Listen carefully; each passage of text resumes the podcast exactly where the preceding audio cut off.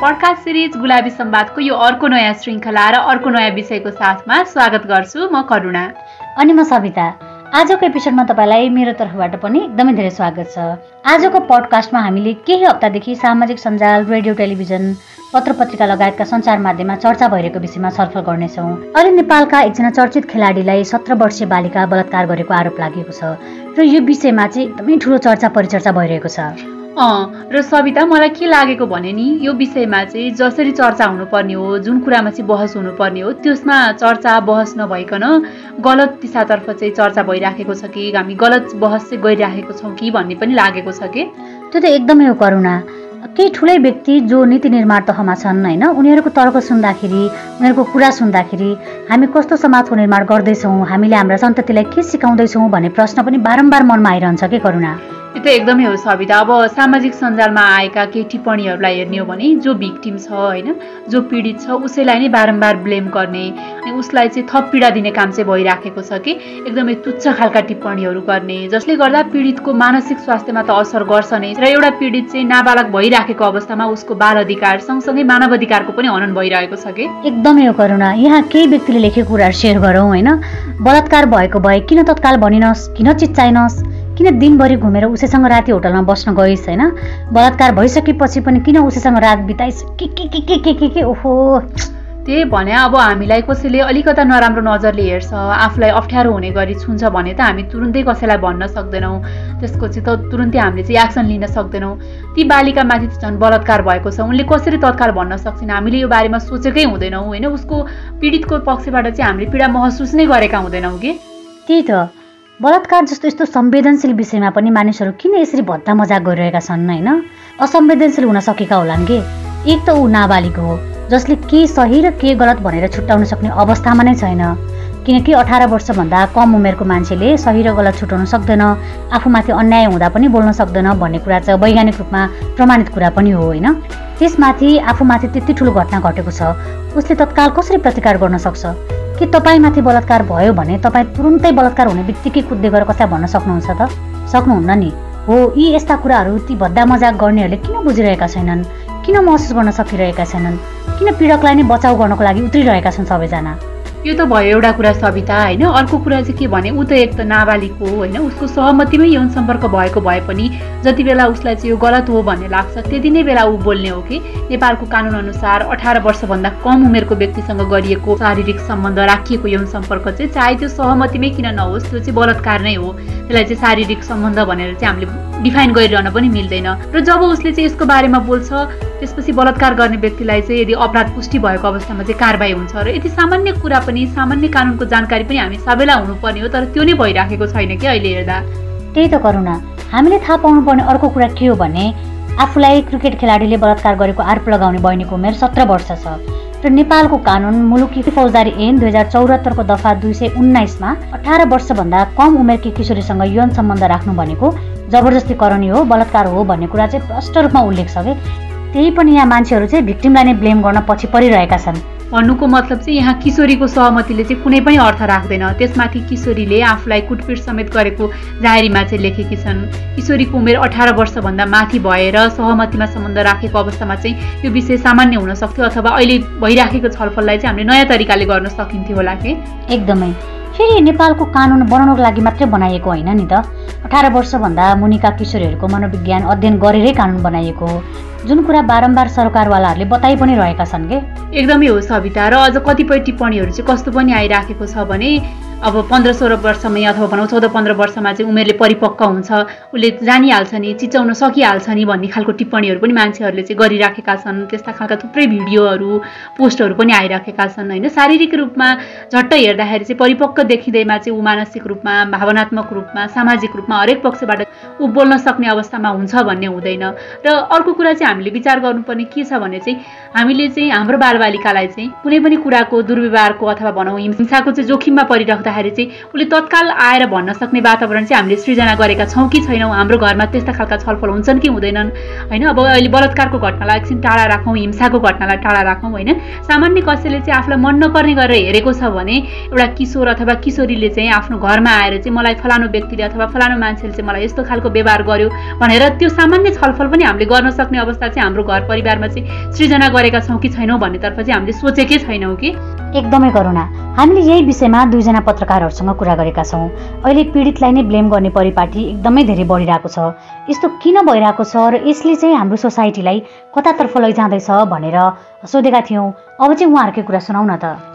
जसरी यो भिक्टिमलाई नै होस्टाइल गर्ने भन्ने कुरा छ यसले चाहिँ यस्तो प्रवृत्तिले चाहिँ के गर्छ अथवा यो किन भइरहेको छ भन्ने खालको जुन कुरा थियो। अब सामान्यतया चाहिँ कस्तो हो भने कानुनी रूपमा हेर्दाखेरि कसैमाथि आरोप लाग्ने कुरा आरोप प्रमाणित भइसकेको अवस्था हुँदैन।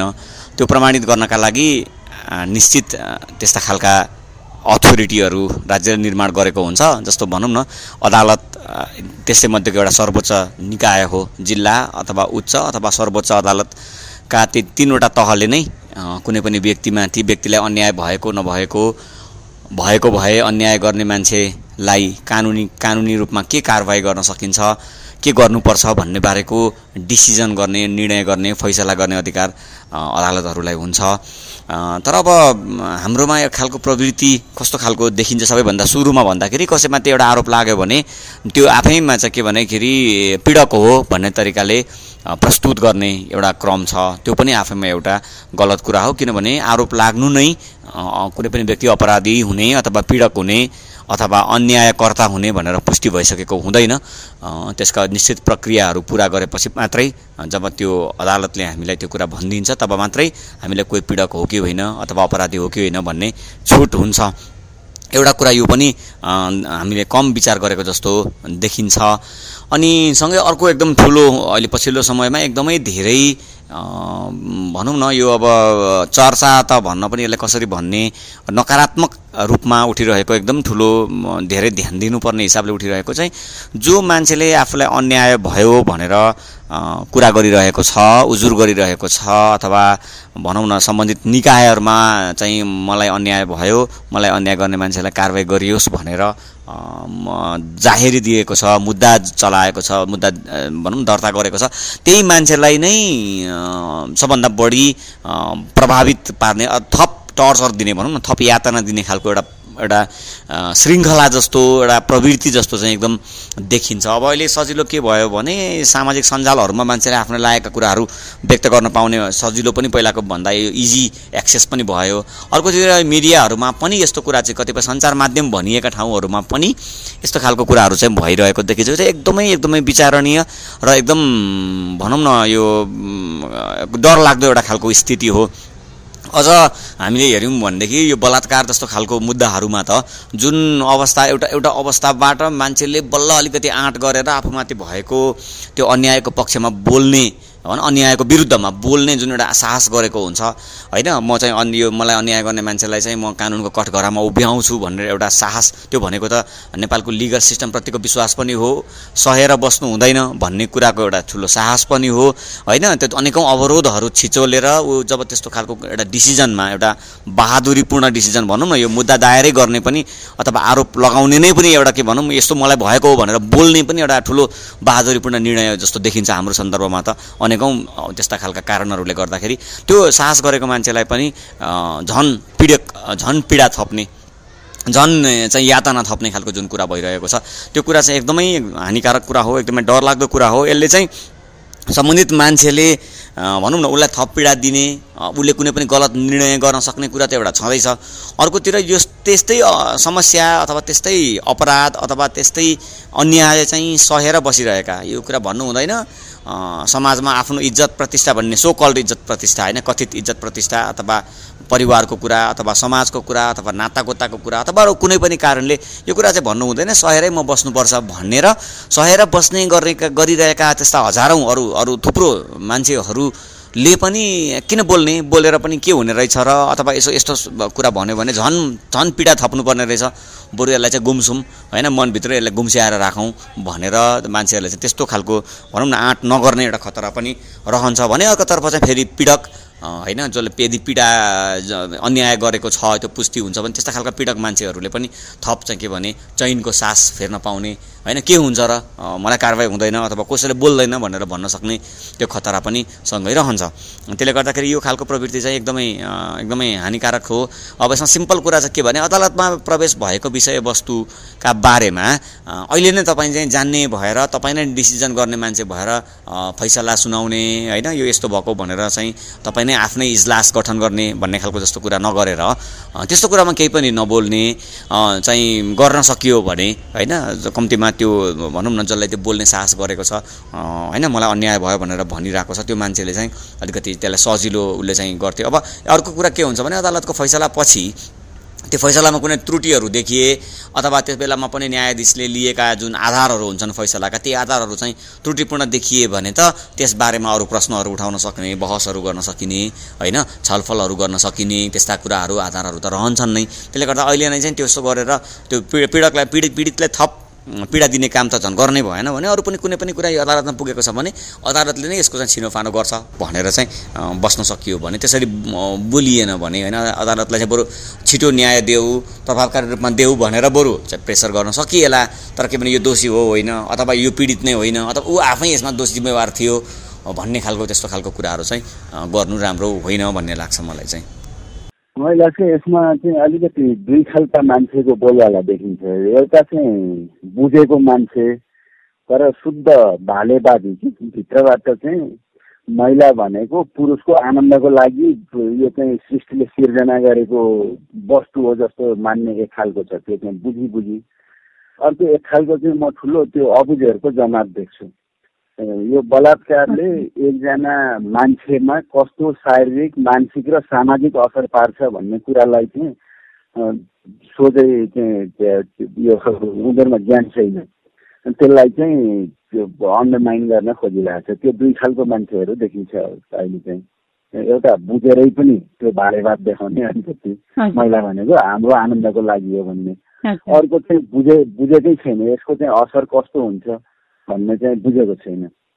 त्यसरी यो यो उल्टै पीडितलाई आक्षेप लाउनेमा चाहिँ यो त्यसैले सिर्जना गरेको एउटा त्यो यो जस्तै हो पीडितलाई नि आरोप लाउने भनेको चाहिँ यो चिजै पुरुषका लागि सिर्जना भएको हो। उसले आफू खुसी चाहिँ मनलागी गर्न पाउनुपर्छ भन्ने खालको जुन दिमागमा आयो भने त्यो चाहिँ एक खालको रोग हो। अनि त्यो शरीरको यो शारीरिक बलको पदको सम्पत्तिको आफ्नो व्यक्तित्वको प्रभाव मार्फत चाहिँ हुन्छ नि त्यो महिलालाई आफ्नो आनन्दको वस्तु बनाउने हो त्यो गर्नु भनेको सामान्य हो भनेर त्यसलाई नम्बो रूपमा लिनेहरू चाहिँ धेरै यो सामाजिक सञ्जालमा त्यो पीडितको विपक्षमा चाहिँ उभिएको देखिन्छ। यो चाहिँ हेर्नुहोस् अहिले अब यो एक्काइसौँ शताब्दीमा अहिले आएर पनि एउटा मान्छेहरू समान हुन् भन्ने तरिकाले हेर्न नसक्ने त्यो चाहिँ एउटा समानताको दृष्टिले पनि उसको पनि शरीर हो। उसको पनि आफ्नो इच्छा अनुसार उसले आफ्नो शरीर चाहिँ प्रयोग गर्न पाउनुपर्छ। भनेको उसले चाहिँ जति बेला मैले चाहे त्यति बेला मलाई समर्पण गर्नुपर्छ भन्ने खालको चाहिँ त्यो दिमागमा आइरहेछ एक खालको मान्छेहरूमा र त्यसलाई सपोर्ट गरिरहेछ। अर्को चाहिँ यो मानवीय भनेको यो बच्चालाई चार वर्षको बच्चालाई गरेका छ अनि आफ्नो पदीय हैसियत अब त्यो एकजना चाहिँ हाकिम भएर आफ्नो कार्यकर्तामाथि आफ्नो हो कर्मचारीमाथि एकजना टिचर भएर विद्यार्थीमाथि अनि एकजना चाहिँ सेलिब्रिटी भएर आफ्नो फ्यानमाथि भनेको चाहिँ उसले त्यो शुद्ध दुरुपयोग गरेको हो आफ्नो पदको आफ्नो हैसियतको दुरुपयोग गरेको यस्तो दुरुपयोग चाहिँ तिनले गरे अहिले बलात्कारको केसमा भने अन्त सबैतिर यो खालको अपराध चाहिँ पद पाउने हैसियत पाउनेले चाहिँ दुरुपयोग गर्ने त यो त सेम हुन्छ सबैतिर। भनेको समाजलाई चाहिँ अलिकति अपराधीकरणतिर लान्छ जस्तो लाग्छ मलाई चाहिँ यसले समग्रमा युवराज आचार्य र लक्ष्मण कार्कीलाई आफ्नो विचार राखिदिनु भएकोमा धेरै धेरै धन्यवाद। अहिले पीडितलाई नै ब्लेम गर्ने उसलाई नै झन् धेरै पीडा दिने अदालतमा गइसकेको कुरामा चाहिँ आफू नै जान्ने भएर फैसला सुनाउने खालका गलत अभ्यासको चाहिँ विकास भइराखेको छ। पक्कै पनि यसले चाहिँ राम्रो सङ्केत गर्दैन र यसले हाम्रो समाजलाई पनि राम्रो दिशातर्फ अगाडि पक्कै बढाउँदैन। पक्कै पनि पीडितलाई थप पीडा पुग्ने काम गर्नुभन्दा आफूलाई थाहा नभएको विषयमा कुरै नगरौँ। तर अर्को व्यक्ति जो पीडामा छ उसलाई थप पीडा दिने र आफै जज भएर फैसला सुनाउने फलानो किन गर्यो ढिस्कानो किन गर्यो भनेर कुरा गर्ने अधिकार चाहिँ तपाईँ हामीलाई पटक्कै छैन। बलात्कार जस्तो संवेदनशील विषयमा संवेदनशील बन्न सिकौँ सस्तो लोकप्रियताको लागि अनावश्यक टिका टिप्पणी नगरौँ कानुनमा लेखिएको कुरा र कानुनलाई चाहिँ सम्मान गर्न सिकौँ। र यति भन्दै आजको लागि भने हामीले बिदा माग्ने बेला भइसकेको छ। अर्को एपिसोडमा हामी थप नयाँ विषयमा कुराकानी गर्न आउने नै छौँ। र आजको विषयवस्तु आज हामीले गरेको छलफल कुराकानी चाहिँ तपाईँलाई कस्तो लाग्यो? आफूलाई लागेको कुरा हामीलाई भन्नको लागि हाम्रो इमेल ठेगाना रहेको छ। Gulabi Sambad at gmail dot com G U L A B I S A M B A D Gulabi Sambad at gmail dot com तपाईँले हाम्रो पडकास्ट गुलाबी सम्वाद देशभरिका चौवालिसवटा रेडियो स्टेसनबाट सुन्न सक्नुहुन्छ। त्यस्तै हाम्रो अनलाइन प्लेटफर्म एङ्कर डट एफएममा गुलाबी सम्वाद टिन टक र हाम्रो पात्रमा गुलाबी सम्वाद सर्च गरेर सुन्न सक्नुहुन्छ। यसै गरी गुलाबी सम्वादको वेबसाइट पनि छ जहाँ चाहिँ तपाईँले हाम्रो पडकास्टहरू त्यसै गरी किशोर किशोरीले लेख्नुभएका आफ्ना किशोर अवस्थाका भोगाई अनुभवहरू छन् ती सामग्री पनि तपाईँले पढ्न सक्नुहुनेछ र गुलाबी सम्वाद भनेकै के हो भनेर जान्न पनि सक्नुहुनेछ। आजको लागि भने छुट्टिनु पर्ने बेला भइसकेको छ। आजको कार्यक्रम सुनिसकेपछि तपाईँको मनमा लागेका कुराहरू हामीलाई भन्दै गर्नुहोला भन्दै यौन तथा प्रजनन स्वास्थ्य र अधिकारको विषयमा छलफल गर्ने पडकास्ट सिरिज गुलाबी सम्वादको चौरानब्बे भागबाट करुणा र सविता विधा माग्छौँ। नमस्ते। अर्को श्रृङ्खलामा पुनः भेट्नेछौँ।